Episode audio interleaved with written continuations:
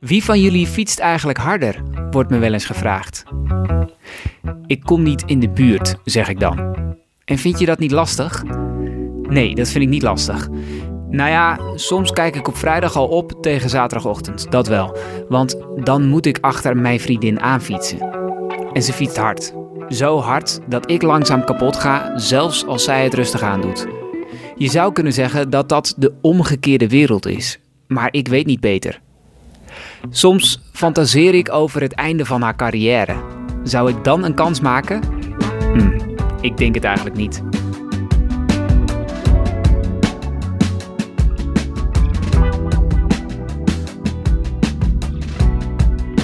Dit is aflevering 18 van de Fietspodcast. En die gaat over vrouwenwielrennen. Dat klinkt een beetje gek misschien, want wielrennen is wielrennen. Of het nou door een man of een vrouw wordt gedaan. Maar de ontwikkelingen in de dameskoers zijn zo interessant dat we het daar graag eens over willen hebben in deze podcast. Er is meer aandacht dan ooit, er wordt meer gefietst en de sport professionaliseert als een gek. Aan tafel zitten Roxane Kneteman en van fiets Elias de Bruyne. Nee, het is uh, van Vleuten. Nee, of nee, Vollering. Vollering. Vollering Wint. wint. Ze maakt het af. Twee, handen, twee rensters die handen in de lucht. Ze Maar maakt wat het. een sprint. Wat, wat een sprint van Van Vleuten toch weer, hè? Ja. Jongen, jongen, jongen. Nou, ik denk dat hier wel wat tranen gaan vloeien. Demi kennende.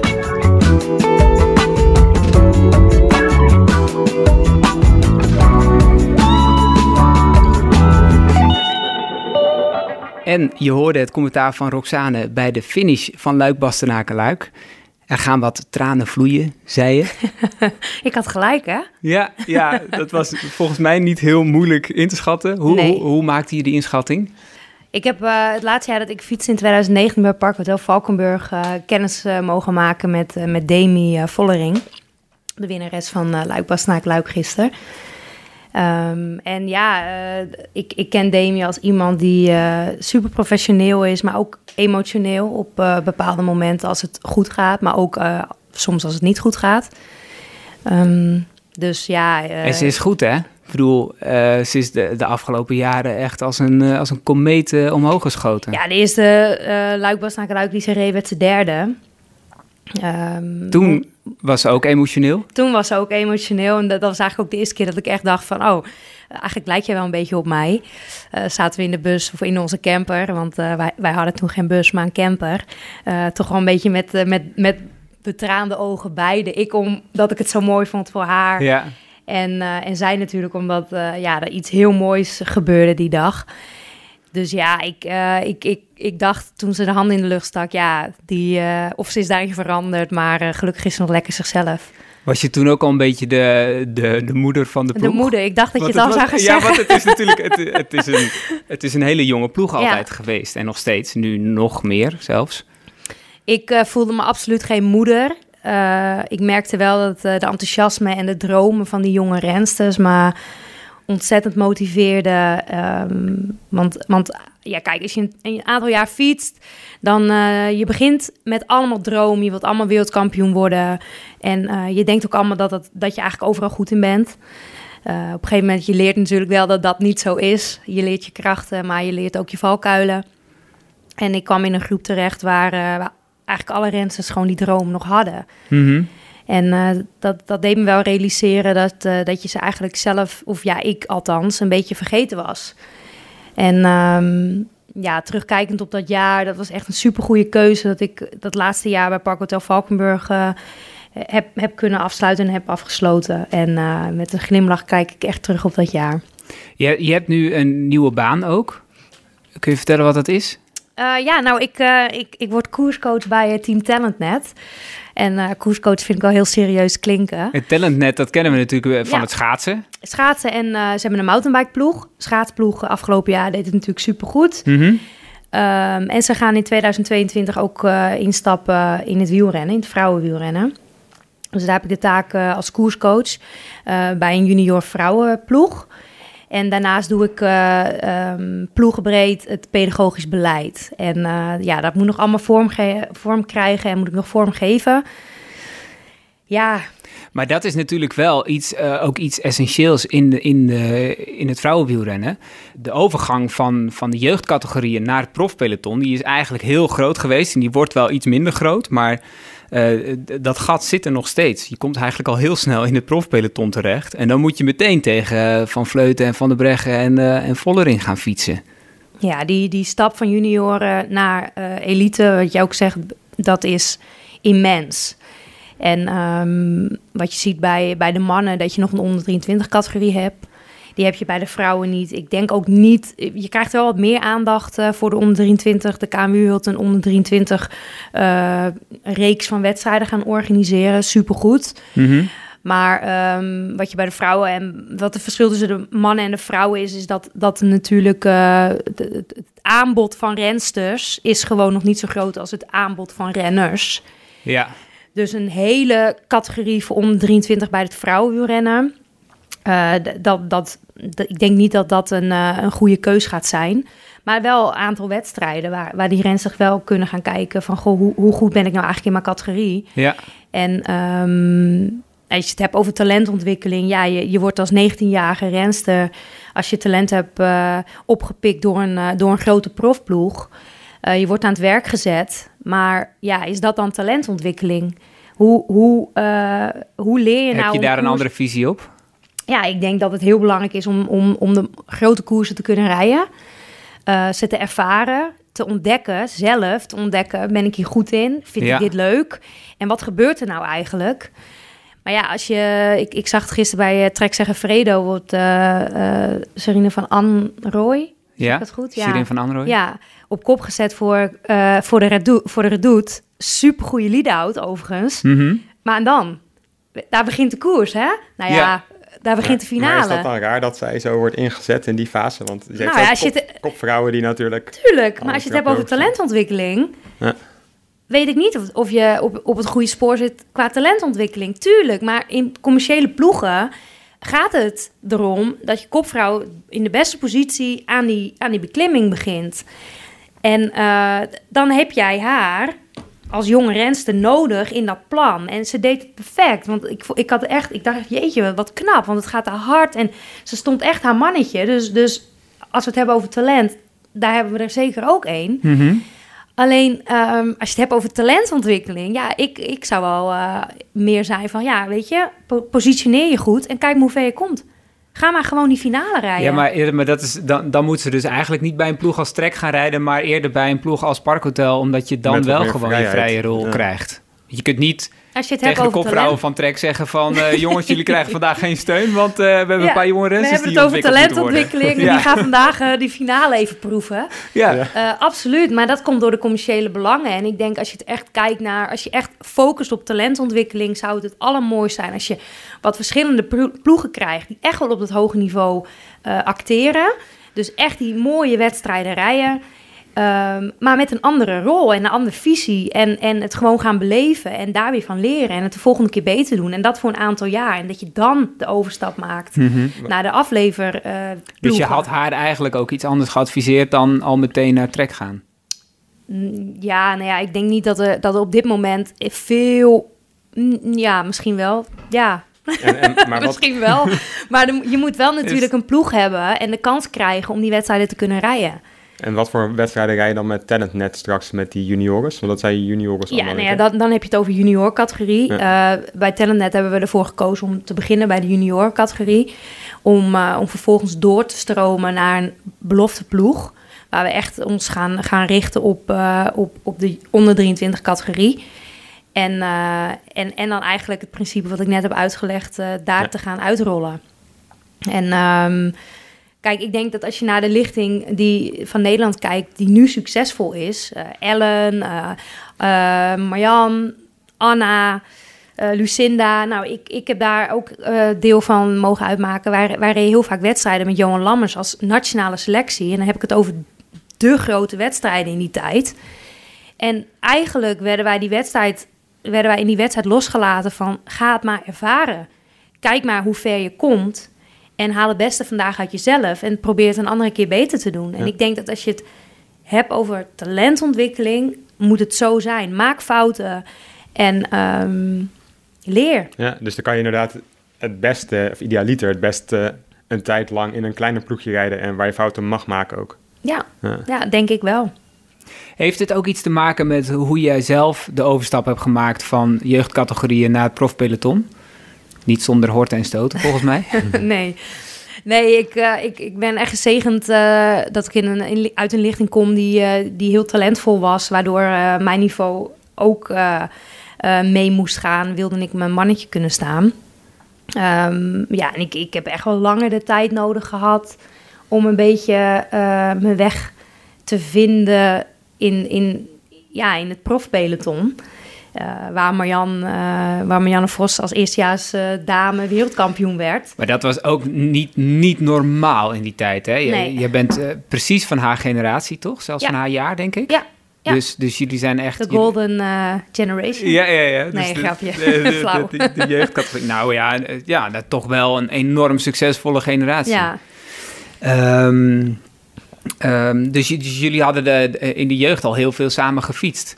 En dan, eh, zij stoomde, stoomde echt als een gek door het profpeloton in. Mhm. Ze was eigenlijk meteen de beste. ja.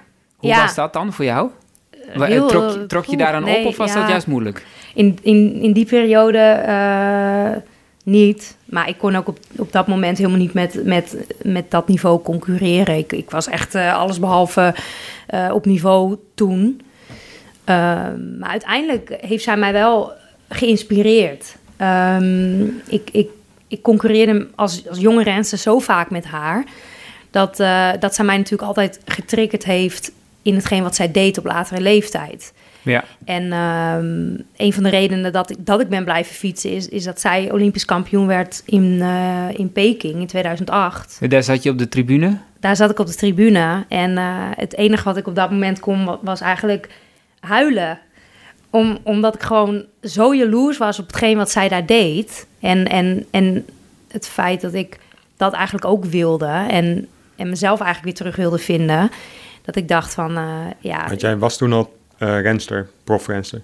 Nou, nou nee. Ik, eh, ik, ik, ik had de licentie. Ik had ook een soort van, denk ik wel, ergens diep in mijn ambitie dat ik wel wilde fietsen, maar dat deed ik eigenlijk heel weinig. Ja. Ehm, dus ik zat voornamelijk heel erg met mezelf. ehm, ja, ik was vooral heel erg op zoek naar mezelf. Van, goh, wat wil ik nou? En ik, ik had eh, behoorlijke issues. Maar dat was wel een van de dingen waar, waarbij ik dacht van... eh, eh, dit wil ik ook. Ik ben nog niet klaar met dat fietsen. Dat was Ja. het eigenlijk. Kijk, als jij huilend naar iemand aan het kijken bent op de tribune... maar dat was niet, was niet van vreugde dan. Nee, absoluut niet. Nee, ik was echt, ik was echt jaloers. En, Ja. En toen dacht ik wel van... eh, ja, dit, als, als- ja ik, ik ga niet zo stoppen met wielrennen. Ik ga gewoon sowieso weer proberen er plezier in te krijgen. En uiteindelijk eh, rolde dat uit in, in, in nog een hele leuke carrière. Gelukkig, Ja. ja. De sport eh, is gigantisch in ontwikkeling de laatste jaren. Ik denk dat het tijdens jouw carrière ook eh, een enorme vlucht heeft genomen. Dat is zeg maar de laatste 15 jaar geweest. Eh, daar komen hele mooie initiatieven uit ook. Ehm, bijvoorbeeld eh, is er steeds meer eh, discussie over prijzengeld, om maar eens iets te noemen. Ook, ook wat positievere dingen. Nou, ik denk dat het prijzengeld ook heel positief is, hoor. maar ook iets positieve dingen. Bijvoorbeeld eh, de afgelopen week werd tussen de Waalse Pijl en luik bastenaken de run-up opgenomen. ja. Een docu over de aanloop naar luik bastenaken Hoe hebben jullie daarnaar gekeken? Nou, ik vond het eh, heel leuk om te zien. Want het is eigenlijk voor het eerst dat je die rensters ook los van in de wedstrijd of van Ja. een flash-interview of op Je, het je, podium je kreeg ziet. een beetje de kans om, eh, om een band met ze te krijgen. Ja, je kan achter eh, de schermen kijken voor het eerst eigenlijk. En eh, ze ook zien op training of eh, ja, gewoon in, hun- in hun natuurlijke habitat, in hun dagelijks Ja. leven. En dat is gewoon heel anders dan wanneer je alleen maar een helmpje en een brilletje ziet natuurlijk op tv. hoe ze het hebben opgezet Mhm. is echt heel stoer en tof. Het zijn mooie beelden. Ehm, ik dacht wel een beetje zo, oké, en nu... Het stopte en toen dacht ik, oké, en nu dan? Ja, Het zou wat meer actie kunnen krijgen. Ja, dan, en nu dat er- dan? ik vond dat er heel veel interviews in zaten. En er zou echt wat meer vanuit hotels of vanuit de ploegleiderswagen of vanuit de koers van die... Vanuit de ploegleiderswagen had dat- leuk dat geweest, zou heel hè? leuk nou zijn. precies. Dat dacht Dus ik ook. Ik dacht, Eigenlijk, zelf, ik dacht zelf wel te merken, er zit nog niet heel veel budget volgens mij achter. En Eh, nou, maar het was gigantisch mooi gemaakt. Want Echt de mooi. beelden waren mooi, de montage Dat- was, dat was mooi, mooi, en, en maar het zat echt goed in elkaar. ik denk met relatief weinig tijd. Want bij Jumbo, dan sturen ze een hele filmploeg mee bij de Tour. En dan is drie, da- of drie weken lang zijn die gewoon in de ploeg. Ja, en, En het was, een, dit het wat, was eh, ook een... wat kleinschaliger was nog aan eh, in ieder geval de momenten die gefilmd zijn te zien. Ja. Ja. Maar, maar die, die docu over Jumbo-Visma was ook een, een journalistieke productie. Ja. En dat is heel anders, want die kijken echt Ja, naar zeker. wat is hier een interessant verhaal aan. En dit was duidelijk een, een soort commerciële productie, waarbij de beelden heel mooi waren, maar waar- waarbij het echt schortte aan inhoud. Ja, maar de Dus- mannenteams hebben natuurlijk ook hun eigen docu's wel, zoals Orica dat altijd deed, of hun eigen video's. Ja. En dat was wel iets meer, denk ik, dan dit, maar dit is gewoon een goed begin, denk ik. Ja, Dat- ja, ik denk inderdaad dat het een goed begin is, want het, het werd goed neergezet. Ehm, Het mag gewoon ietsje meer diepte Super leuk om naar te kijken. Ik, ik, ik, heb ook, ik, weet, ik weet niet eens meer waarom, maar ik moest ook een paar keer echt heel erg lachen. Dus er was iets blijkbaar ook heel waarschijnlijk grappig in. Ik weet dingen niet eens die, meer die wat, herkenbaar maar zijn. Nou, bijvoorbeeld waar ik, waar ik heel hard om moest lachen was dat Elisa, Elisa Longoborghini, die zit dus twee uur van tevoren, heeft ze Ja. al haar kleren al aan. en een Maar uur dat van zie ik dan tevoren ook haar echt zo voor me. en dan zit ze inderdaad te stuiteren op de stoel van, eh, van kunnen we nou eindelijk? En dat vond ik een fantastisch voorbeeld van wat... eh, ja, eigenlijk wat ik... Ik vind ook in- inderdaad het idee geweldig. Alleen wat echt een gemiste kans was, was je dus... eh, eigenlijk had je twee vormen kunnen kiezen. Je had of kunnen kiezen voor het persoonlijke aspect. Leer de, de renners kennen. En dan bijvoorbeeld de drie kopvrouwen van die, van die dat drie had ik het idee. Dat, dat, Ja. dat dacht ik.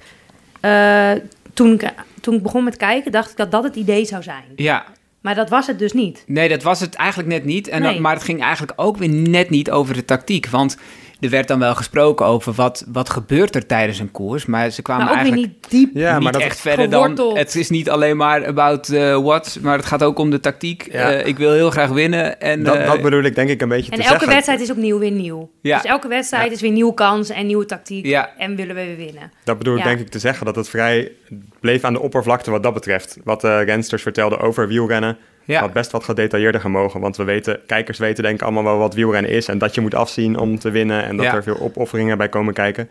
Maar dat had best wel een laagje of twee dieper gemogen, denk ik. Maar En dat is juist zo interessant, omdat je wil horen wat zegt eh SD-Works in zo'n bespreking. Op wie gaan ze letten? Achter Ja. wie gaan ze altijd aanrijden? Ja. En als je dan nog beelden van de koers erbij hebt, zeg maar, en dat je eigenlijk Gebeurt kunt het zien, of gebeurt het gebeurt het niet? niet inderdaad, Ja. of gebeurt het wel? Ja. Eh, en dat, dat, dat, dat is natuurlijk wel echt jammer, want je wil gewoon voelen waar zij zenuwachtig over zijn.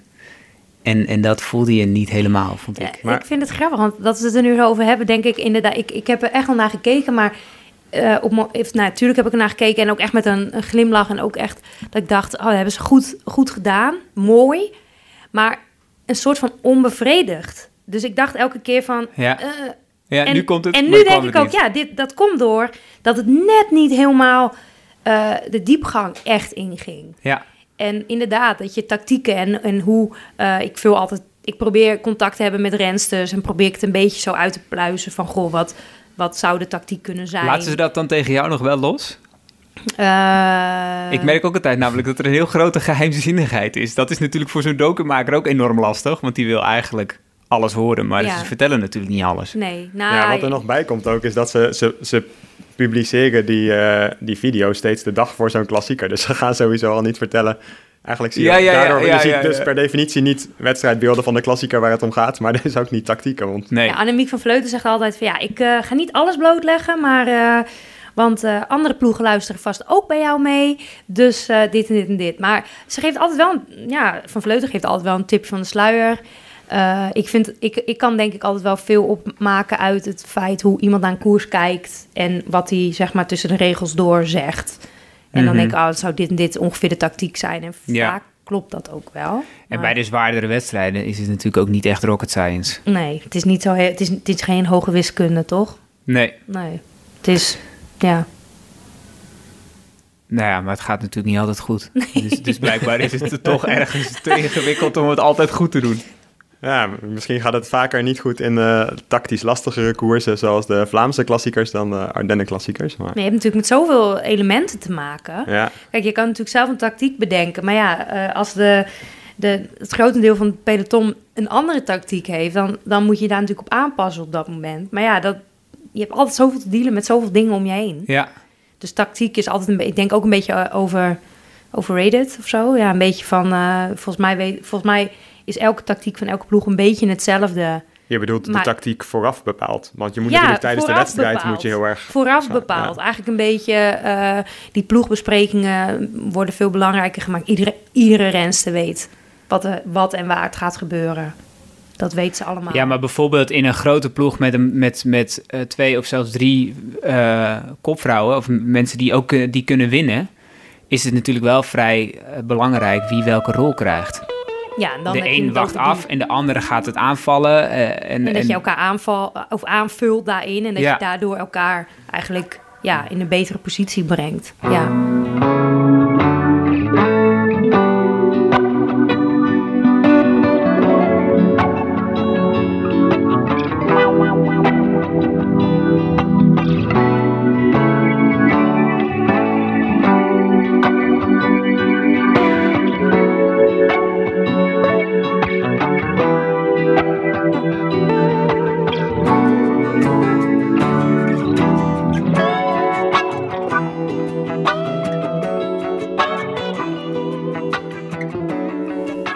Is het nou heel... eh, ehm, ik, weet niet of dit vloek in de kerk is hoor, maar, maar eh, is het heel anders dan mannenwielrennen?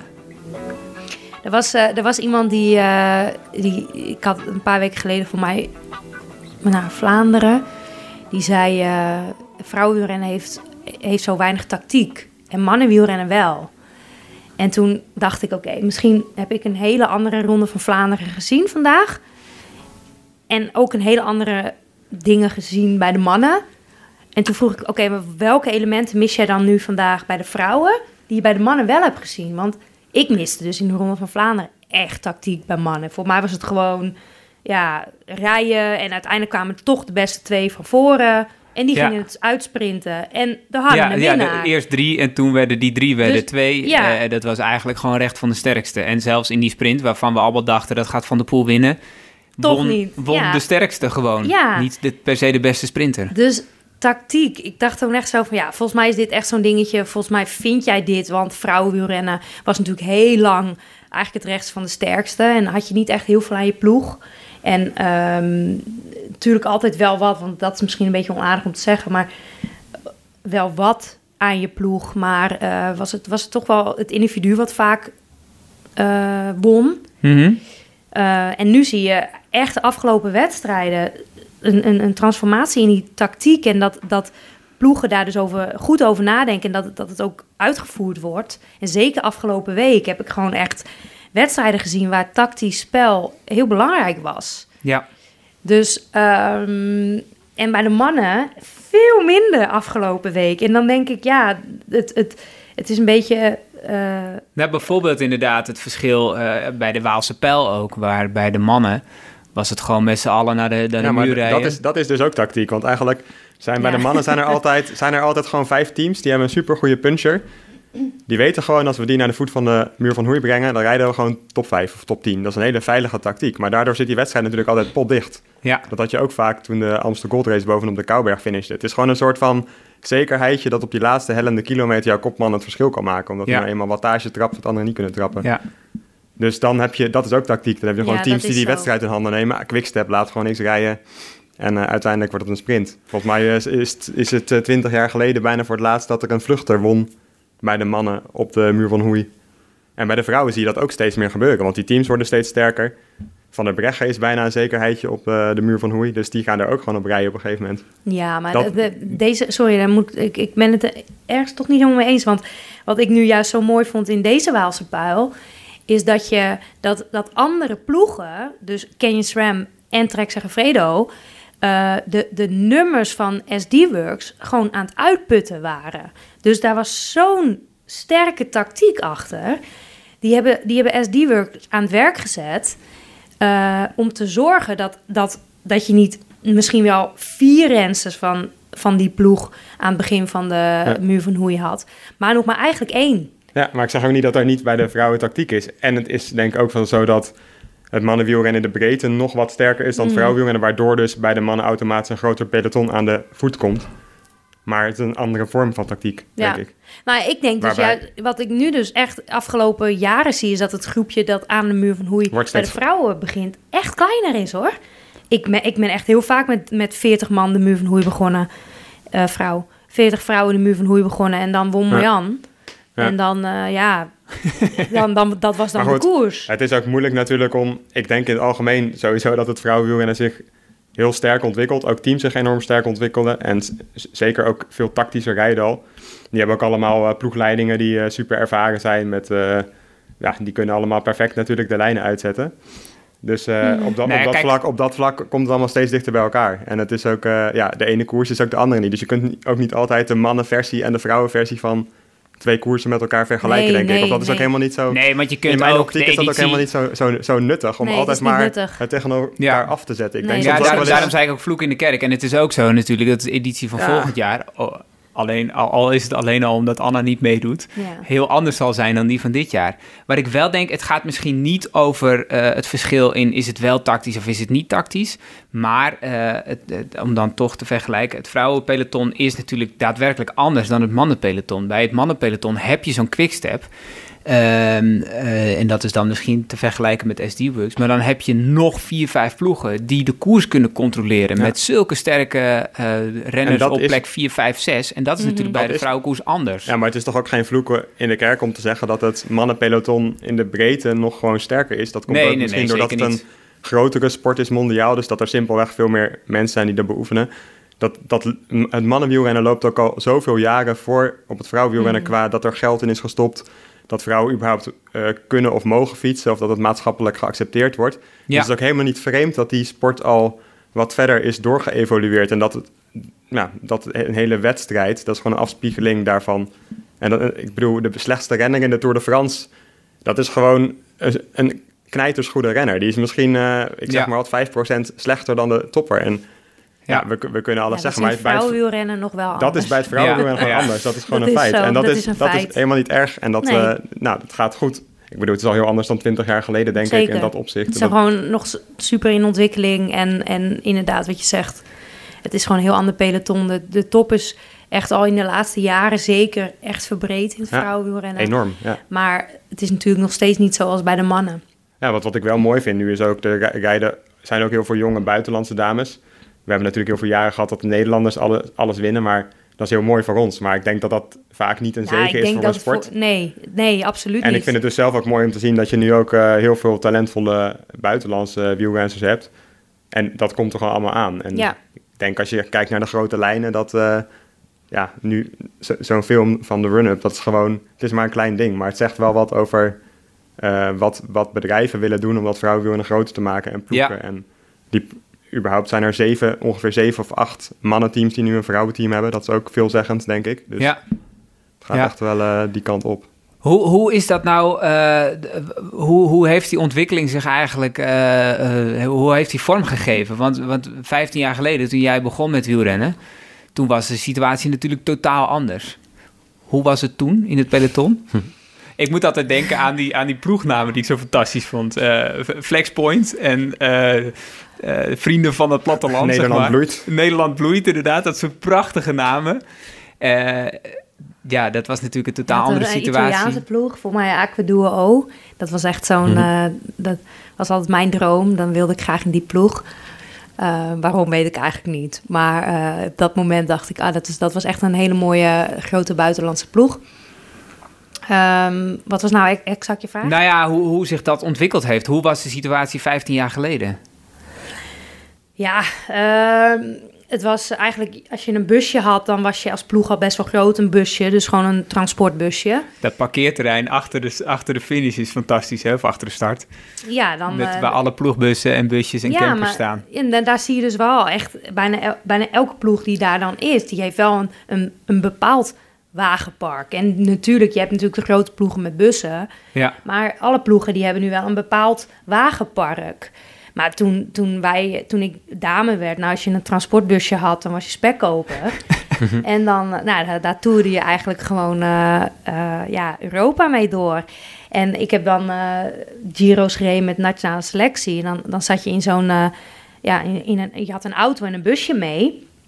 En dan zaten we gewoon eh, bepakt en bezakt in die auto drie uur door Italië. Van de ene uh, Venusplaats naar je hotel te rijden en de volgende dag weer opnieuw. Ja, nu, nu is het natuurlijk, uh, als je, je kan eigenlijk niet meer aankomen zonder uh, drie, vier auto's. Er is wel nog een bepaalde hiërarchie, hè? Ja. Ze de grote ploegen, ik, ik, was er dus laatst, en, en de grote ploegen staan dan in, in de hoek met een enorme uh, touringcarbus, zeg maar, zoals wat je van de mannen ook kent. Welke uh, ploegen zijn dat dan? De, de ja, SD Works en uh, Jumbo Visma en Trek en de, dat zijn ze wel ongeveer. Er ja, zijn nog wel een paar. Kane SRAM heeft gewoon altijd een hele grote camper. Ja. Maar niet een bus. Nee, en dat is dus ook een statusdingetje, hè? Als je ja. daar komt.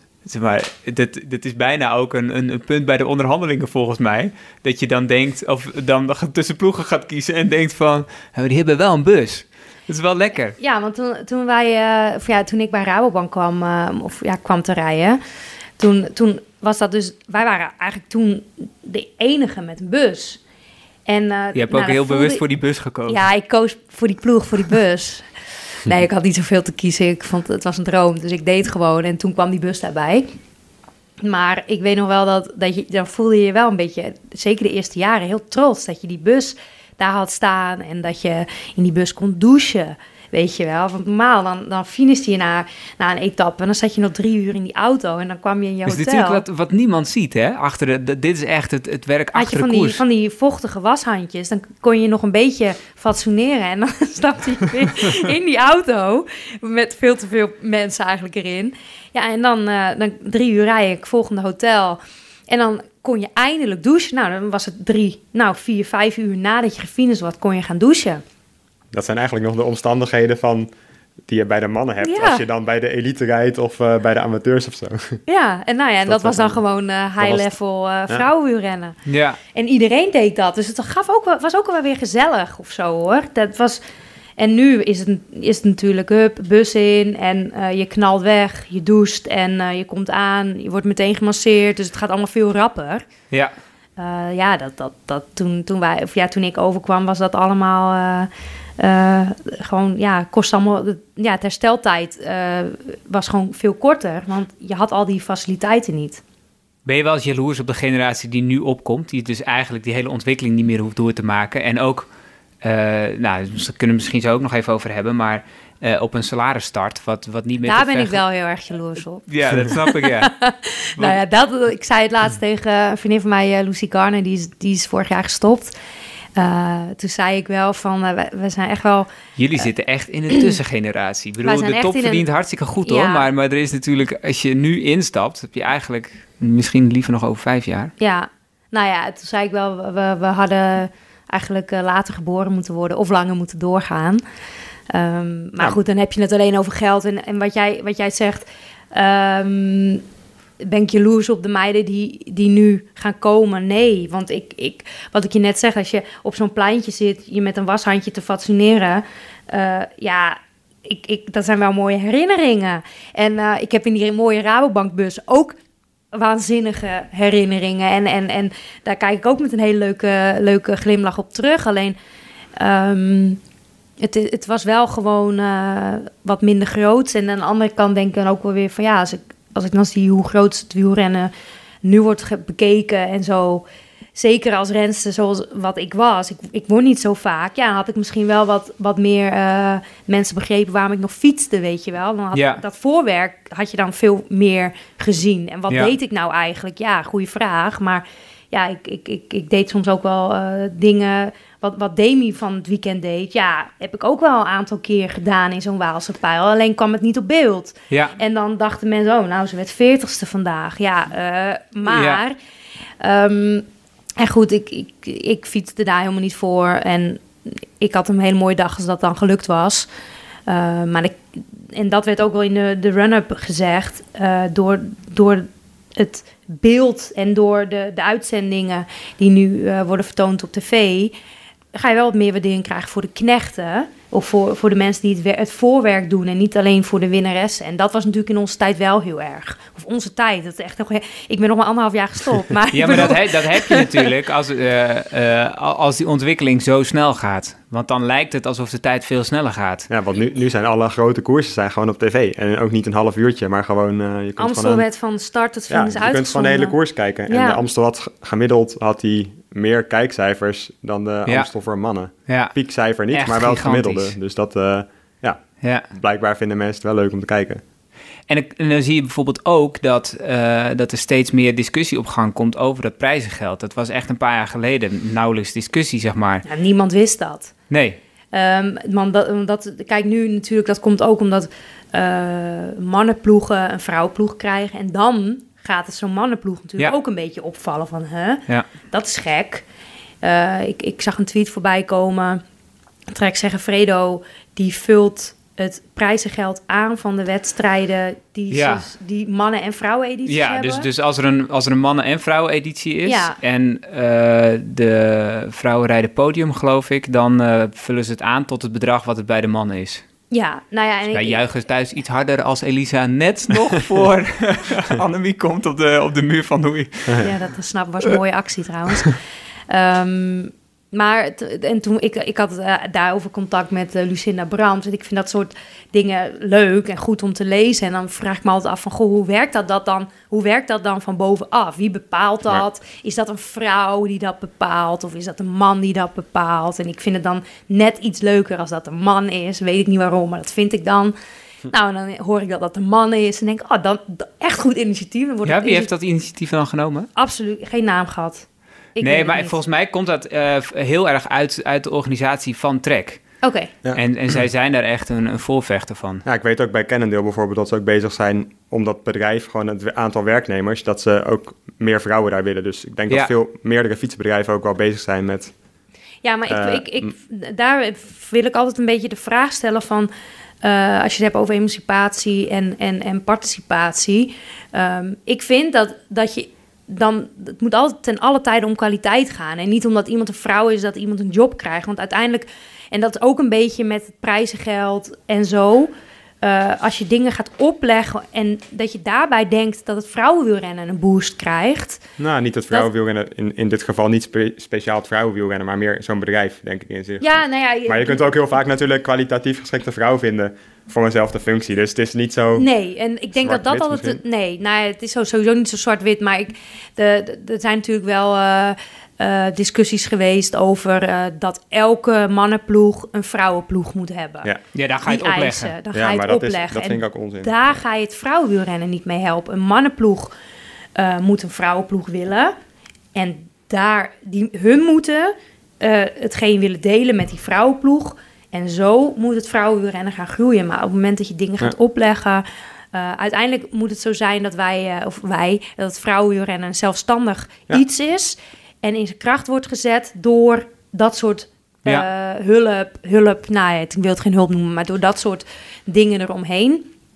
En, en, en dat je eigenlijk het vrouwenwielrennen in zijn kracht zet en niet zozeer als klein zusje mm, onder je arm neemt. Nee, want dat vind ik ook goed. Want eh, het vrouwenwielrennen kan zichzelf ook prima, denk ik, ja, neerzetten. Dat is destijds in het tennis, denk ik, een van de meest geëmancipeerde sporten ter wereld.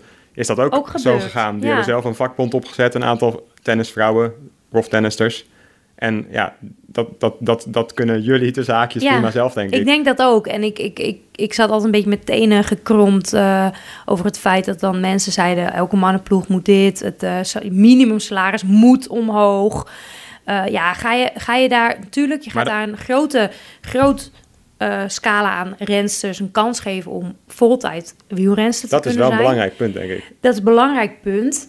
Alleen je moet daar wel eh, de aantallen voor hebben om dat te kunnen doen. En op dit moment gaat dat gewoon nog even te hard, denk ik. Want, want de bedragen waar nu rensters inderdaad mee eh, beginnen, ja, dat vind ik, dat, daar schrik ik soms wel van. Dan denk ik Van zo, hoe laag het is. Nee, ook Of hoe wel- hoog. vooral om hoe hoog. Ja, want bij. Trek betalen ze nu... Het, het, het, het minimumloon voor vrouwen in de World Tour is 20.000 vanuit de ja. UCI is dat denk ik bepaald. Maar Trek en Bike Exchange hebben dat nu opgetrokken naar het minimumloon wat ze aan mannen betalen. Ja. Dat is 40.000. 40, hè? Dus je had het net over Shirin van Amroy, die is 19. Dus die verdient gewoon, ik gun het daar van harte, maar die verdient Absoluut. gewoon eh, direct goed. Maar het En- is ook weer niet eh, zodanig veel dat ik denk en als we het dan weer hebben over talentontwikkeling, ja, ik snap dat je de keuze dan maakt voor trek misschien op dat moment, maar als je het op lange termijn zou zien, weet ik niet of het de, Ja, en, die, en daardoor worden die plekken ook heel erg gewild natuurlijk. Maar het, het zou ook belangrijker zijn, denk ik, om het, dat zei Anne van der Breggen ook, om het over eh, salaris te hebben en over prijzengeld. Want dat prijzengeld, ja, dat kun jij vertellen, maar dat wordt waarschijnlijk wel op zich vaak gedeeld. Dus iedereen profiteert er wel van mee.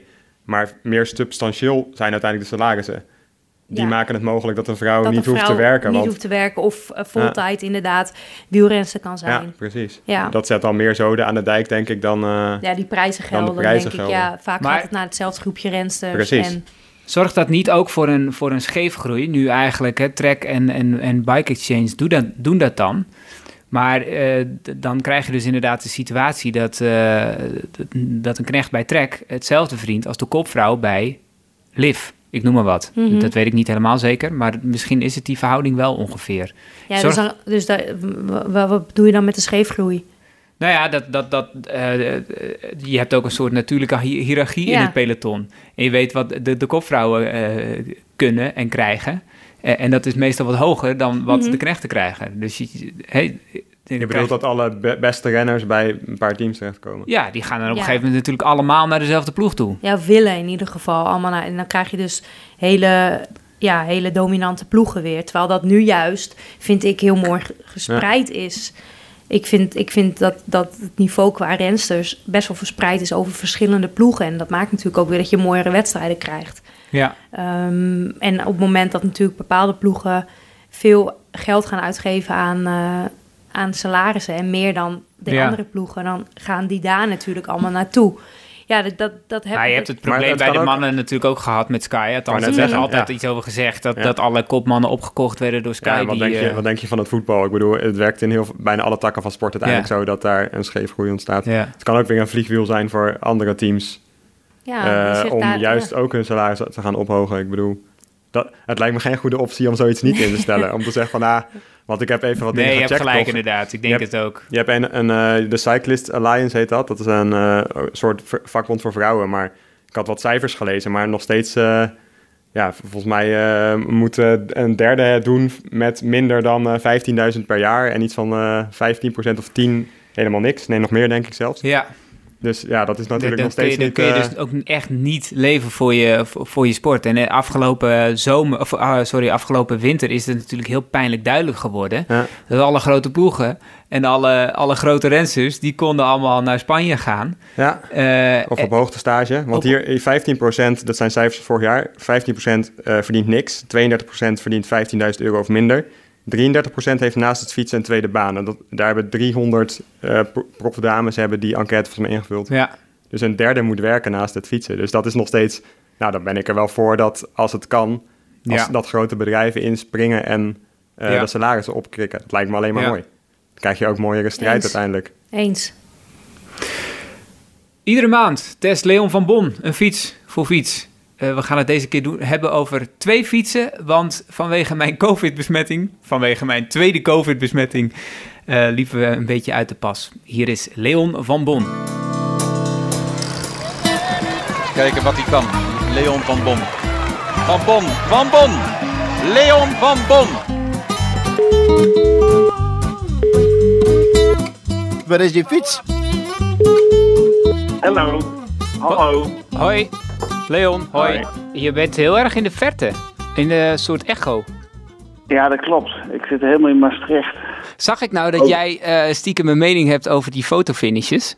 Nou ja, het is, ik vind, ehm, hoe zou ik het zeggen? Ehm, bij die finish in, ehm, in eh, de Brabant Spel was het volgens mij overduidelijk te zien dat zij als eerste over de lijst ging. Dus Demi Vollering en eh eh Ruth Winder kwamen tegelijk. En je, je kreeg eh, een beeld te zien van de zijkant.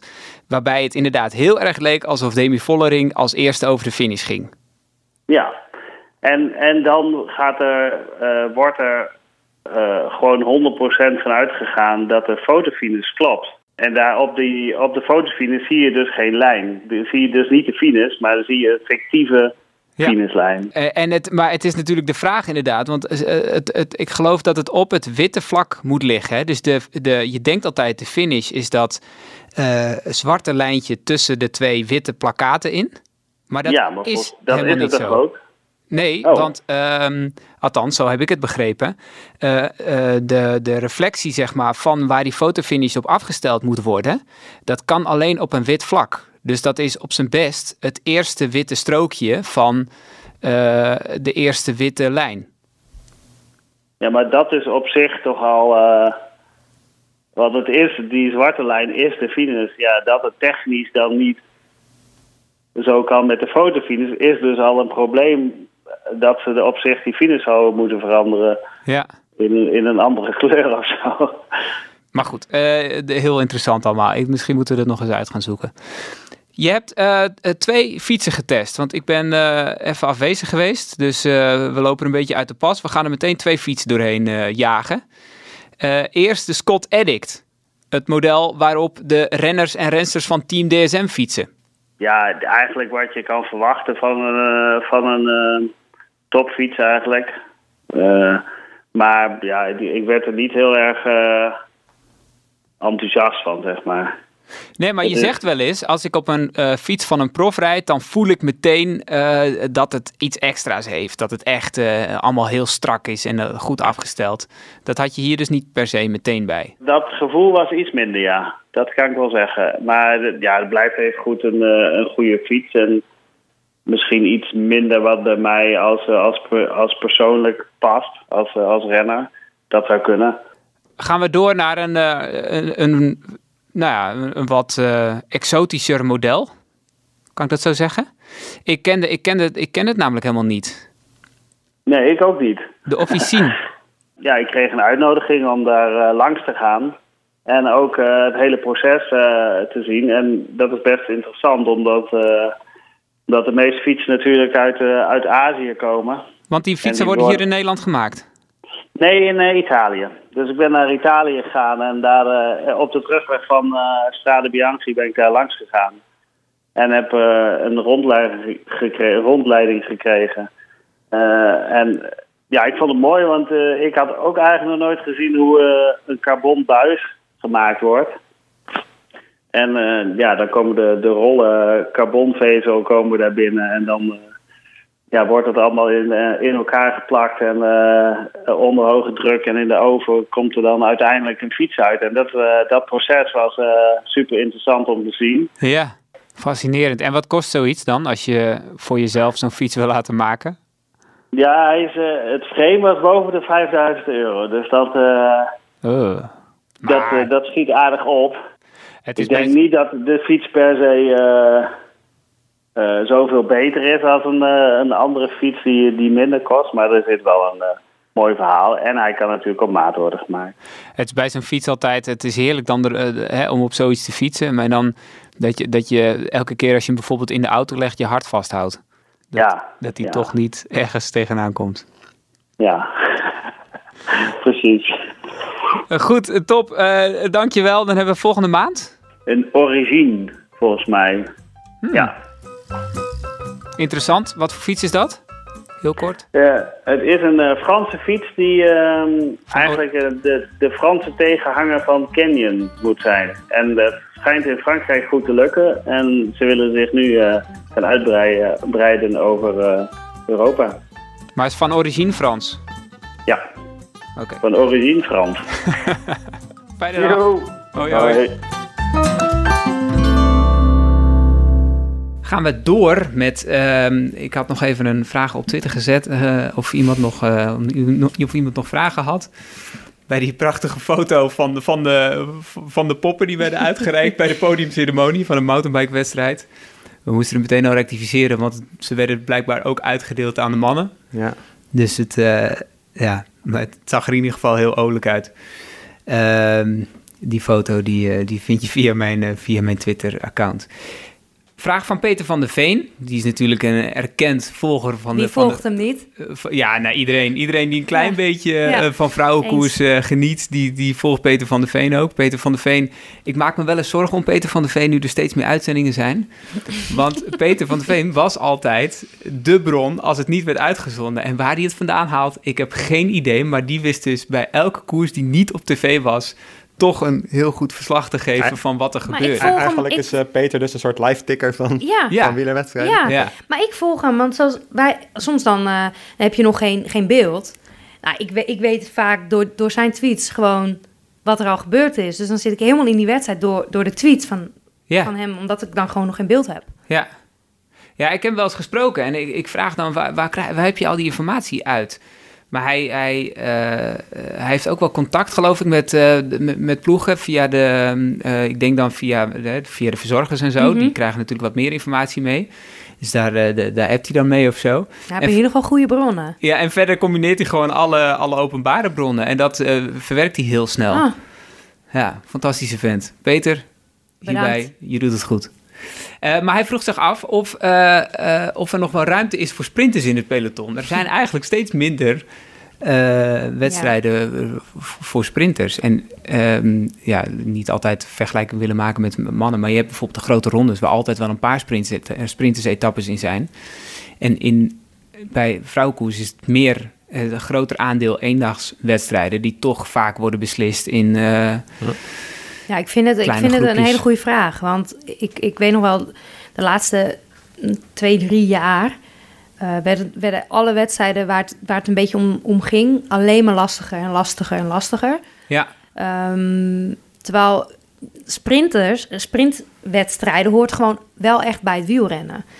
En ehm, nou, het laatste jaar hadden we natuurlijk... ehm, of, om- ik, ja, mocht ik, mocht ik met eh, Lorena Wiebes in de ploeg rijden. Ja, je had natuurlijk sowieso, want Had- Vollering zat in die, Ja. in die ploeg en Wiebes. Ja. Dat is eigenlijk ongelooflijk. De toekomst van, van het vrouwenwielrennen. Ja, met mijn neus in de boter. Ehm, dus ja, ik, ik, eh, vond dat ook, ik vond dat soms ook echt lastig. Maar ook voor mezelf. Want soms gewoon een sprintetappe als renster of een sprintswedstrijd is gewoon heel lekker. Want dat je niet alleen maar van die lastige dingen voor je kiezen krijgt, weet je wel. Dus dan dacht ik wel eens van, ja, jemig, waarom, waarom is het niet gewoon vlak? En dan reed ik een Bulls Ladies Tour en dan dacht ik, geef mij maar weer Limburg. Maar eh, dat is natuurlijk altijd een beetje waar je, het gevecht waar je in zit. Maar ehm, je ziet natuurlijk wel, en ik, ik heb met Lorena gesproken ook, ook hierover, want ik, ik vroeg me af van, goh, eh, hoe gaat het eigenlijk met haar? Ik, ik miste haar echt een beetje in het voorjaar. Eh kwam nog niet helemaal uit de verf, wat ik jammer vond. En hoe gaat het met haar?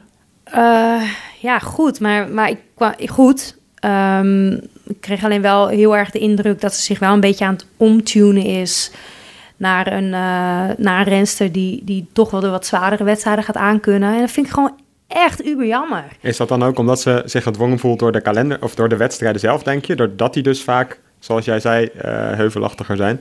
Ja, ik, denk- ik, denk, ik denk het wel. Ik, ik heb eigenlijk niet die, ja, niet die vraag direct zo gesteld, maar ik gok het wel.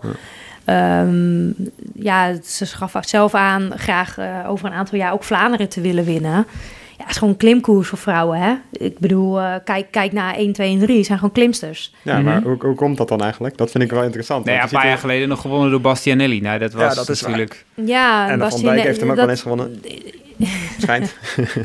Wat zei je? Sorry. En dan Van Dijk heeft hem Oh, geloof ja, ook Ellen kan gewonnen. hartstikke goed Ja, ja, ja. klimmen. Ja, Dat maar die kan best een goed redelijk klimmen. Die is, die is juist geen sprinter. Nee. Maar goed, dat Maar je is... zou haar niet als klimmer eh, typeren, toch? Gewoon een flyer allrounder eerder. Maar goed, dat maakt verder niet zo ja, uit. ja, ja, ja, maar niet als uh, Was wel echt toen nog een, eh, ik denk wel Corinne bijna... Rivera trouwens. Ook, maar die kan goed klimmen, hè? Ja. Zij is rap, maar zij kan echt goed klimmen. Ja, ook heel maar licht. ja, super licht. Maar eh, en het jaar dat Ellen won, was het echt nog gewoon een beukwedstrijd. Eh, en ik denk dat er nu al bijna 600, 700 hoogtemeters meer in Ja, zitten. joh. ik, denk, ik denk het haast wel. Ja. Ja. Het is echt gewoon nu, het is zoveel klimmen. En, en dat is natuurlijk allemaal leuk voor al die, eh, die, die klimsters. En die, eh, ja, Annemiek van Vleuten, die roept het natuurlijk heel Ja, veel. dat wilde ik net zeggen, want- Zwaarder en langer, en zwaarder en langer. Ja, maar dat zei ze... Dat Nog veel langer en zwaarder. Ja, daar werd ik echt als renster echt moe van. Ja, maar dat zei ze nu weer, van, yo, weet je, wat, wat is mooi aan? zei ze nu weer voor het komende WK. Maar dat zegt ze eigenlijk elk jaar. Ik hoor dat elk jaar hoor ik in de media Ja, dat de het al niet... Spelen of de moet Spelen, het is langer, allemaal eh, niet zwaar genoeg. En, eh, maar goed, dat- dat snap maar ik je wel, maar dat dat is spreken voor eh, eigen ehm, parochie natuurlijk. Ja, zij dat is, en dat is ook, dat mag ze doen, dus prima. Ja, hoor, Eh, ja, Ellen roept altijd dat er meer tijdritten georganiseerd moeten worden. Ja. Ja, ben ik mee dus- eens. En Nee. Wiebes zal Ja, dus- daar ben ik het ook mee eens. Eh, en en, en, en Wiebes zal roepen dat er veel meer sprintetappes georganiseerd Alleen heeft Annemie van Vleuten nou wat meer media exposure. Ja. Dus, of niet per se dan, ja, wel meer dan Wiebes, maar die heeft ook nog zat. Ja. eh, maar ik bedoel, als, als een, als een renner, renster die wat minder op de voorgrond staat, dat roept, dan eh, lees je dat natuurlijk niet. Maar ik denk inderdaad dat als je er zo nu naar de kalender kijkt, dat het best wel terecht is om te zeggen dat, er, dat de, de zwaardere koersen zijn eh, in de meerderheid. Maar- En er is eigenlijk niet echt een reden om te zeuren dat, dat er te weinig geklommen wordt. Want, Nee. want eh, Yorkshire, maar nu ook Tokio, maar be- bijvoorbeeld ook, eh, je hebt Innsbruck gehad en je hebt zoveel zware WK's gehad. En het afgelopen WK in, eh, was het ook weer, in die, op die baan? Oh, Imola. Imola. Ja, was ook zwaar. Dat is ook hartstikke zwaar, ja. Dus kijk, eh, ik, ik, eh, nou, de vraag was natuurlijk voor de sprinters. Ja, ik, ik, vind, dat, ik vind dat toch wel een, eh, een dingetje. Je, je, ja, ik vind het jammer. Ik zou, ik zou toch wel graag eh Lorena Wiebes gewoon lekker massasprint in zien knallen. En zijn tweede vraag ging dus over Team DSM, want die zitten er nog niet helemaal lekker in, heb ik het Nee. idee, dit jaar. Nee, Wiebes heeft dus wel één koers gewonnen. ja, ja. ja, klopt. Ja, ik, ik, ik, ik vind het echt heel verrassend. Ik weet niet wat daar mis is gegaan in de voorbereiding, maar dat er volgens mij iets is misgegaan, kunnen we allemaal wel zien. Eh meiden, meiden, rensters komen allemaal niet vooruit. Eh, hebben volgens mij heel veel uren gemaakt. Ik, ik volg Floortje Makai op, op Instagram. Heel veel uren gemaakt in december en januari. Dat ik echt op een gegeven moment dacht... we hebben het vaak over Annemie van Vleuten die veel traint. Maar Floortje die, die kon daar echt aan tippen. Eh, maar is Ehm. dat niet, is dat niet een, ook een ontwikkeling die een beetje in is gezet door onder andere ook Annemiek van Vleuten? Ja. En, en daar kan zij niet zoveel aan doen, maar eh, zij traint heel veel. Dat wordt ook nog wel eens benadrukt in de media. En dat gaan rensters, zij is goed. Ze Mhm. wint veel, dus dat wordt ook misschien nagedaan. Nou, het is natuurlijk een feit als je naar de trainingsleer kijkt. eh, als je een balk hebt en, en hoe meer kern met, met, met langer trainingen, dus hoe, hoe, die, hoe sterkere fundering jij hebt, hoe, hoe langer je natuurlijk, eh, of hoe langer je fit blijft in wedstrijden.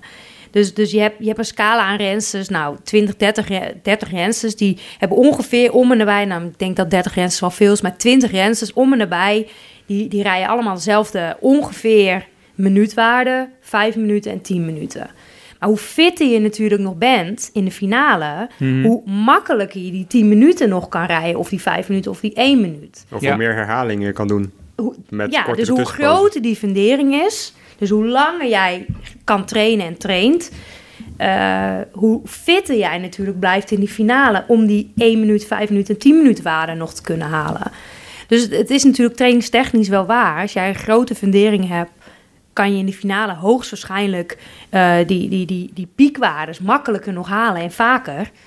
Maar je moet ze natuurlijk wel doen in je training. En ik denk dat DSM dat vergeten is mee te pakken. Dus die fundering is heel breed. Maar dat kan toch bijna niet? Daar zitten allemaal Ja, ja, dat- dat vind ik ook- bewegingswetenschappers voor wie wel heel hun opmerkelijk werk is. Dat kan ik weet, eh, zijn. ik, ik weet dat, eh, dat, dat Lorena aangaf. Ja, maar nu, nu we wat vaker wedstrijden rijden, kom ik wel wat makkelijker door mijn adem. Nou, dat is een klassiek hoor. is een klassieke fout. Dan heb je gewoon vergeten die intervallen vaak genoeg te doen. Ja. En ben je lekker zo op die, op die, op die inhoud gaan zitten. Dus lekker die duurtrainingjes eh, pakken.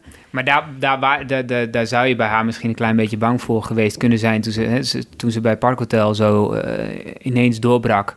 Heel veel koersen won. Ik weet niet hoeveel in dat Ja. ene succesjaar. Wat was dat, 2019? Ja, hè? Mhm. Ja, veel. Nederlands kampioen. Ze, ze won op een gegeven moment bijna overal wel wat. ja. Ja, ja ik, ik heb ze niet geteld. Dat sorry. ze, dat ze, maar de, maar de, de, de, de, schrik was dat ze de inhoud niet had om ook zwaardere wedstrijden Ja. aan te kunnen. Ik vond het toen, dat, dat jaar weet ik nog wel, want ik weet wat ze toen trainde en, en eh, hoe, hoe eigenlijk een beetje een hekel ze had aan langer, langer trainen. Eh, dat ik wel echt wel met verbazing keek hoe ze dat dan allemaal oppakte en ook een heel seizoen lang. Dus dat, je eigenlijk, dat ik me eigenlijk elke keer afvroeg, ja, je moet toch ergens inklappen, maar dat gebeurde maar steeds. Mooi voor haar, maar het gebeurde niet. Ehm, dus, dus nou, Lorena is zo'n zo'n groot talent. Ja. En komt, komt dit voorjaar er absoluut niet uit. Maar het is soms ook wel, ja, het gebeurt bij heel DSM denk ik. Maar het is soms ook heel moeilijk natuurlijk om van de zijlijn. eh, jij kent natuurlijk die rensters van, van nabij. Maar voor, als je eigenlijk verder niks weet van iemand, is het heel moeilijk om te zeggen waarom iemand niet zo hard fietsen als normaal. Er kunnen echt allerlei andere Maar het is de dingen hele ploeg, naast... hè? Ja, dat is wel waar, Het is ja. de hele dat klopt. ploeg. En de ook bij de... Lippert, vorig jaar vijfde. Ja. Alleen eh, Juliette Laboe was goed. ja, die was wel goed. Ja, die was heel goed zelfs. Klopt, in Waalse Pui. Laboe die, die, en eh, Amstel racen goed. Ja, Laboe die- en, en in- ja, ze hebben wel een aantal wedstrijden waar zij als enige eh, voorin zat. Eh, terwijl Team DSM en Sunweb, ze hebben natuurlijk nu naam veranderd, was altijd een ploeg die, die er altijd was op de afspraak, zeg maar. Ze zaten Mhm. altijd op de goede plek, als collectief.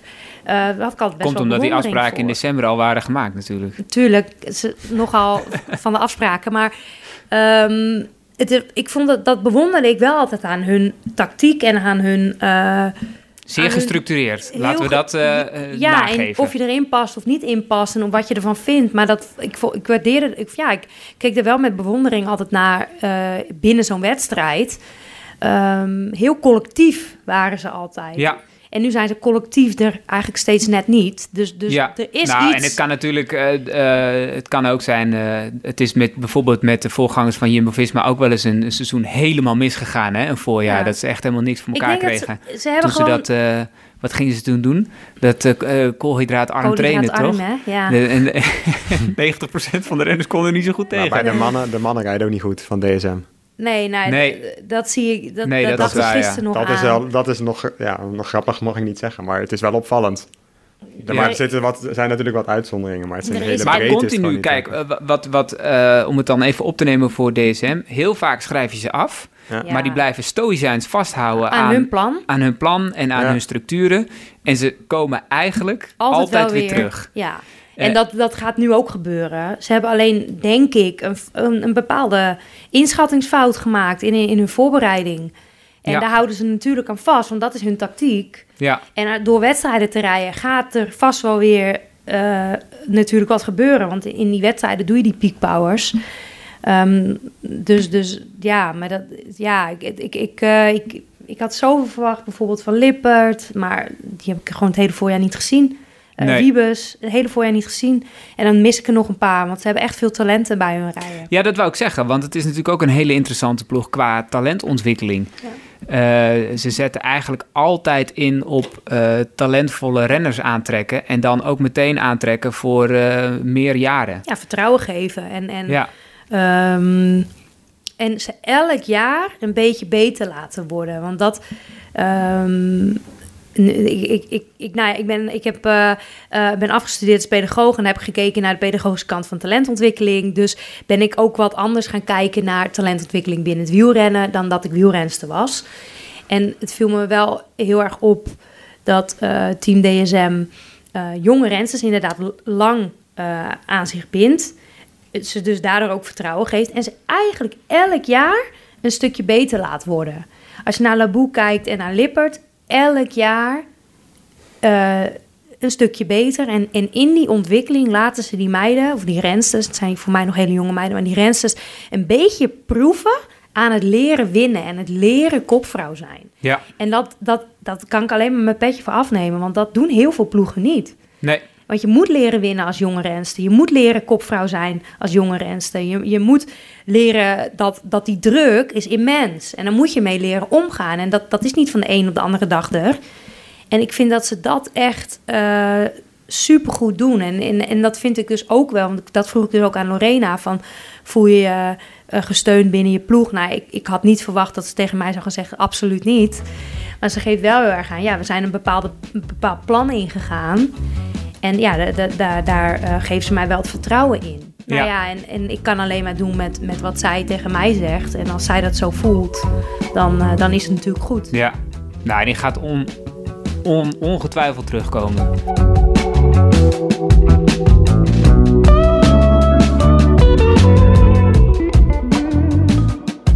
Tot slot nog even twee onderwerpjes. Eh, de breedte sport. Had, jij, had jij nog cijfers opgezocht? Eh, ik heb wel, eh, nou, ik heb wel, ik was, ik was heel benieuwd naar de aantallen licentiehouders. Dus ik heb wel gekeken naar eh, de aantallen, ja, de meest recente aantallen die ik kon terugvinden. En in 2019 had je bij de nieuwelingen dames had je 165 licentiehouders. Maar dat is bizar, hè? En bij de junioren 151. ja. Dus dat zijn, ook eigenlijk, dat zijn eigenlijk hele lage aantallen. Ja, ik had, ik had inderdaad ook eh, van totaal aantal... 2019 was dit. En dan had je bij de vrouwen, dat is dan de overkoepelende term, want we zeiden net al, als je als vrouw junior af bent, dan word je gewoon voor de leeuwen gegooid. Daar komt het eigenlijk Ja, op ja, neer. ja, ja. En dat heet dan bij de KMU heet dat gewoon vrouw. En daar hoort dan bij eh, prof B en eh, elite en eh, amateur en sportklasse. Weet ik niet helemaal zeker of je dat bij de vrouwen hebt. Amateur wel, denk ik. Ja, ik weet Maar niet. goed, dat staat zo op de site. Maar goed, dat waren er 537. Dus dan kom je dus, los van de profs, kom je, kom je dus op 165 plus 151 plus 537. Nou, laten we 800. zeggen 800, 850 rensters met een licentie, los Ja. van de profs. Dus dat, was wel vier jaar geleden, las ik 560 of zo. Na, 570. bij die Oh. jongste categorie heb ik even zitten kijken, maar daar kon ik niet grote verschillen ontdekken met eh, vijf jaar daarvoor of zo. Dus ik denk dat dat enigszins stabiel is. Dit zijn dus, dus wedstrijdrensters. En dan is Nederland Ja, het, grootste wielerland natuurlijk eh, van de wereld. Eh, qua prestaties op dit moment wel, ja. Is dat, is dat dan iets om je zorgen om te maken voor de toekomst? Want jij, jij komt Dit- uit een gouden generatie. Is ja, het, vraag is het zo dat, die het vraag wordt vaak gesteld. nu dunner wordt? Ehm, ik, ik vraag me, Maar- ik, waar, ligt, waar liggen, waar, waar- welke factoren spelen daar nou eigenlijk bij een rol, weet je wel? Dat, dat, daar kan ik je helemaal geen antwoord op geven. Want wat maakte nou dat, eh, dat, dat, dat je Ellen had in onze lichting, Marjan had, eh, nou ja, mij, eh, nou ja, Suzanne van Veen had je nog. Ja, je had echt, echt een aantal goede rensters. Ja, en, en Annemie kwam er dan iets later bij. Annemiek, en dan had je ook nog... bij. Blaak, eh, Chantal Blaak Blaak. uiteindelijk. Blaak en Anna, zeg maar. Ehm, hoe, wat maakt nou dat dat, dat dat zo gebeurt? En wat maakt dan dat het misschien nu niet gaat gebeuren? Als ik kijk naar het juniorenniveau. Vorig jaar een wedstrijd gekeken, de Anna van de Breggen Classic. Het is Noordwest-Overijssel, geloof ik, maar het heet Anna van de Breggen Classic. Ehm, ik was echt onder de indruk. Die, die rensters reden heel goed en eh, hard. En er zat ook al wel wat tactiek in. Dus ik was daar echt eh, als een vis in het water. Vond ik echt heel leuk. Ehm, dus als je het hebt over de aanwas. Ik denk dat het, dat het zeker met eh, wat wij natuurlijk met Team Talent net willen gaan doen. Echt, eh, echt wel weer gaat komen. Ehm, je, hebt, je hebt natuurlijk eh, echt wel goede junioren. Alleen ja, hoe dat dan verder ontwikkelt en welke factoren daar dan uiteindelijk een rol bij spelen, of het het wel wordt of niet wordt. Ja, ik heb daar gewoon geen antwoord op. Ik, Nee. ik weet het niet. Ik weet niet waarom, waarom is Ellen het wel geworden. En eh, Het is voor een deel toch ook gewoon toeval tussen haakjes. Denk Eh, Bij ik. de mannen heb je nu toch Denk- ook een gouden generatie gehad. Je hebt wel dat, natuurlijk dat Rabobank opleidingsplan gehad. Maar dan moet je, nog, je moet nog maar net eh, renners hebben met eh, de genen. En, eh, dat is natuurlijk, dat heb je niet in de hand. Nee, dat heb je niet Of gehad. je Het die wordt gewoon hebt of geboren niet. of niet. En soms heb je dan een goede lichting. Je hebt in het Nederlandse wielrennen heb je al heel lang een golfbeweging, eh jaren Ja. 70 en 80. Ja, jouw vader was dat ook onderdeel van een enorm goede eh, lichting. En En daarna Ja, je en dat- jaren, jaren Dus- nul gehad, zeg maar, waarin er niemand meer iets won. Ja. Maar ik denk wel dat we niet moeten vergeten, het, het, het vrouwenniveau, eh, ook al bij de nieuwelingen, nieuwelingen eh, is echt hoog. Ja. En dat komt echt door wat er allemaal al is En we, gebeurd. en we hebben nu toch ook best veel talenten. Want Shirin van Am- Amroy hadden we het net over. Maar in het veldrijden, Ilse Pluimers heb je ook bij... eh dus bij Demi Vollering is nog jong. Wiebes is nog jong. Er zijn er echt veel. Ja, je, je, hebt, je hebt echt wel een aantal namen die natuurlijk echt wel ons gaan redden in bange tijden. Ehm, En het kan in één keer doorschieten natuurlijk. Het is ook vaak, het kan ook prima zoals met Wiebes. eh, die was al doorgeschoten en dan stokt het weer even. En dan ineens, zeg maar, dat het erin zit, dat jaren- weten we allemaal. jarenlang dominant zijn. Dat, het is, dat het, het is dat- sowieso wel iets inter- interessants, maar ook eh, als je breder kijkt dan alleen vrouwen, maar ook naar de mannen. Maar daar heb je, als het gaat om licentiehouders in Nederland, exact hetzelfde probleem. Of voor zover het een probleem is, want blijkbaar Ja. wil de jeugd, als die niet op een fietsje willen stappen, ja, wie ben ik om te zeggen dat ze ja, ja. een Nee, wedstrijd nee die rijden, moeten maar- fietsen. Nee, oh ja, dat is Ja, waar. Die moeten Allemaal. Nee, maar misschien, ja, misschien gaan ze liever gamen. Ja, dan is dat heel goed Ja. terecht. Dus in maar welke ik, mate dat... ik maak me wel oprecht zorgen. En weet je, COVID eh, ehm, pakt iedereen. Maar voor die, voor die eh, jeugd is het, is het wel eh, het, het stukje tussen stoppen en doorgaan. Maakt, maakt deze periode gewoon wel eh, lastig. Want er zijn geen wedstrijden. We hebben het natuurlijk over topsport. Dat gaat door. We hebben prachtige wedstrijden gezien de afgelopen weken. Maar het stukje eronder, dus als je het hebt over de jongeren, die hebben gewoon al, nou, die hebben vier wedstrijden of zo gereden vorig jaar. Ja, Ja. ongelooflijk. Vier. En dan moet je heel lang blijven trainen Vier. voor iets wat misschien niet komt. En dan eh, nu wordt, wordt, eh, wordt de ene wedstrijd naar de andere wedstrijd natuurlijk afgeschreven. Er is wel een Trofeo Binda, heeft de junioren World Cup door laten gaan.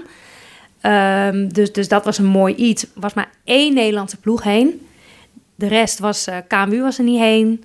Ehm, de rest eh, van de Nederlandse ploegen die wel een uitnodiging hadden gehad, konden het niet meer regelen. Die hoorden het een week van tevoren. Dus alleen eh, ehm, eh, NXTG, de onder, onder 17 Ja. ploeg, was heen. Maar ja, dus die hebben dan weer een wedstrijdje gehad. Maar vervolgens is, vol, nou ja, als, als het goed is, hebben ze over twee weken een wedstrijd in Frankrijk.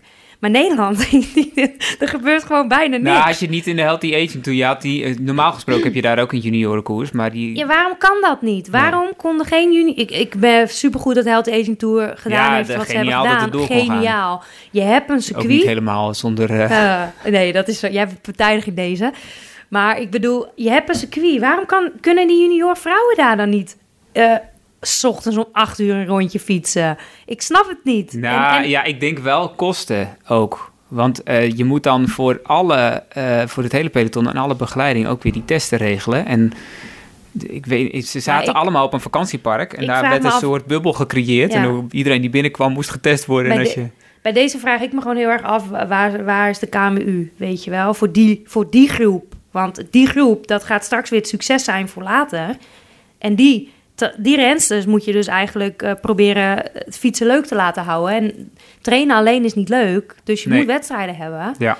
Eh, aan de andere kant kan je ook meteen weer bedenken, is het een natuurlijke selectie? Ja, misschien ook wel. ja, Blijf je de, de doorgaan of mentaal sterkste die blijven over Ja, in dus deze tijd. misschien Dat is, het ook weer een duidelijk. natuurlijke selectie. Maar ehm, ik hoop voor die categorie eh junioren en nieuwelingen dat er snel wedstrijden komen. Elias, tot slot. Wat komt er in de komende fiets? Ja, van mijn, van mijn hand eh, komt er een stuk Je over. gaat, sowieso, je gaat ook sowieso een stuk schrijven over prijzen bij koersen. Is dat zo? Ja, nee, een klein stukje, ja. Dat, gaat, dat gaat binnenkort komen, hoop Ja. ik. Eh, Prijzen, je bedoelt eh, wat je krijgt. Ja, de trofeeën. Naar aanleiding van de, van de mountainbike dames die eh, Die gisteren een pop kreeg. bij een mountainbike wedstrijd een pop hadden gekregen. Dus ik kreeg een fotootje doorgestuurd van eh, Rob Meeuwissen, een, een medewerker van Fiets. En eh, ja, ik zag alleen die foto van de vrouwen ermee, dus dat vond ik wel apart. Maar goed, na enig uit, uitzoekwerk bleek dat ook de mannen een pop hadden gekregen, hoewel die niet met de pop op het podium stonden. En bleek dat de plaats waarin ze die wedstrijd hadden, dat eh, was volgens mij Tibi in de buurt van Alicante. Die staat dus bekend om eh, de poppen. Dus het was wat gewoon een soort van de souvenir. poppenfabriek of zo? Of ja, de poppenindustrie? Ja, dat heb ik eh, niet uit kunnen vinden. Ja. Maar eh, Nou, je hebt natuurlijk de Ronde van Drenthe, waar je elk jaar een stofzuiger kunt Ja, winnen. En precies. een elektrische deken en een, eh, en een tosti-ijzer. Nou, ik heb in, eh, in de Wereldbeker in Zweden een, eh, een, eh, een deken. Vergarda. eh, Vargarda, ja, Ah, ja. een van de mooiste wedstrijden op de kalender. Een deken gewonnen een keer. En eh, daar lig ik nog steeds eh, onder hoor, als ik op de bank lig. Ja. Goe- Goeie, Ja, joh. goeie cadeaus zijn dat. nou, als je dan ook nog zo'n pop hebt voor je bed, dan heb je toch weer eh, gewoon een knus, een knus plekje. ja. Maar verder, eh, verder heb ik nog een, eh, een artikel over eh, wat, er, wat er met onze carbon gebeurt. De Ja. carbon frames. Heel interessant. Ja, En? dat is, eh, nou, dat gaat voor, voor een groot deel, eh, nou, het was ook de vraag, kun je het recyclen? En dat is dus eh, heel moeilijk om, eh, om frames zodanig te recyclen dat je er weer opnieuw frames van kunt maken, omdat eh, vezels in stukjes worden geknipt. Het, Ja. de hars wordt weggebrand en de, de, het frame gaat verder in een chopper. Dus dat is heel moeilijk. En, ik- en kun je dat wel verwerken? ja, daar kun je weer andere materialen van maken. die gebruikt worden bij jachten en weet ik veel wat. Dus het kan wel worden hergebruikt. Maar dat wordt lang niet altijd gedaan, vrees ik. Ik heb ook met Alan van Tuil gebeld. Van, die onder meer Apex heeft. En nou, bij hem eh, gaat het vaak naar opkopers. eh, vol- volgens mij in Polen en Oekraïne. Want daar kan dan het soms nog lonend zijn om eh carbon frames die wij afkeuren. Omdat het niet meer de moeite waard is om te repareren. Om die wel te repareren.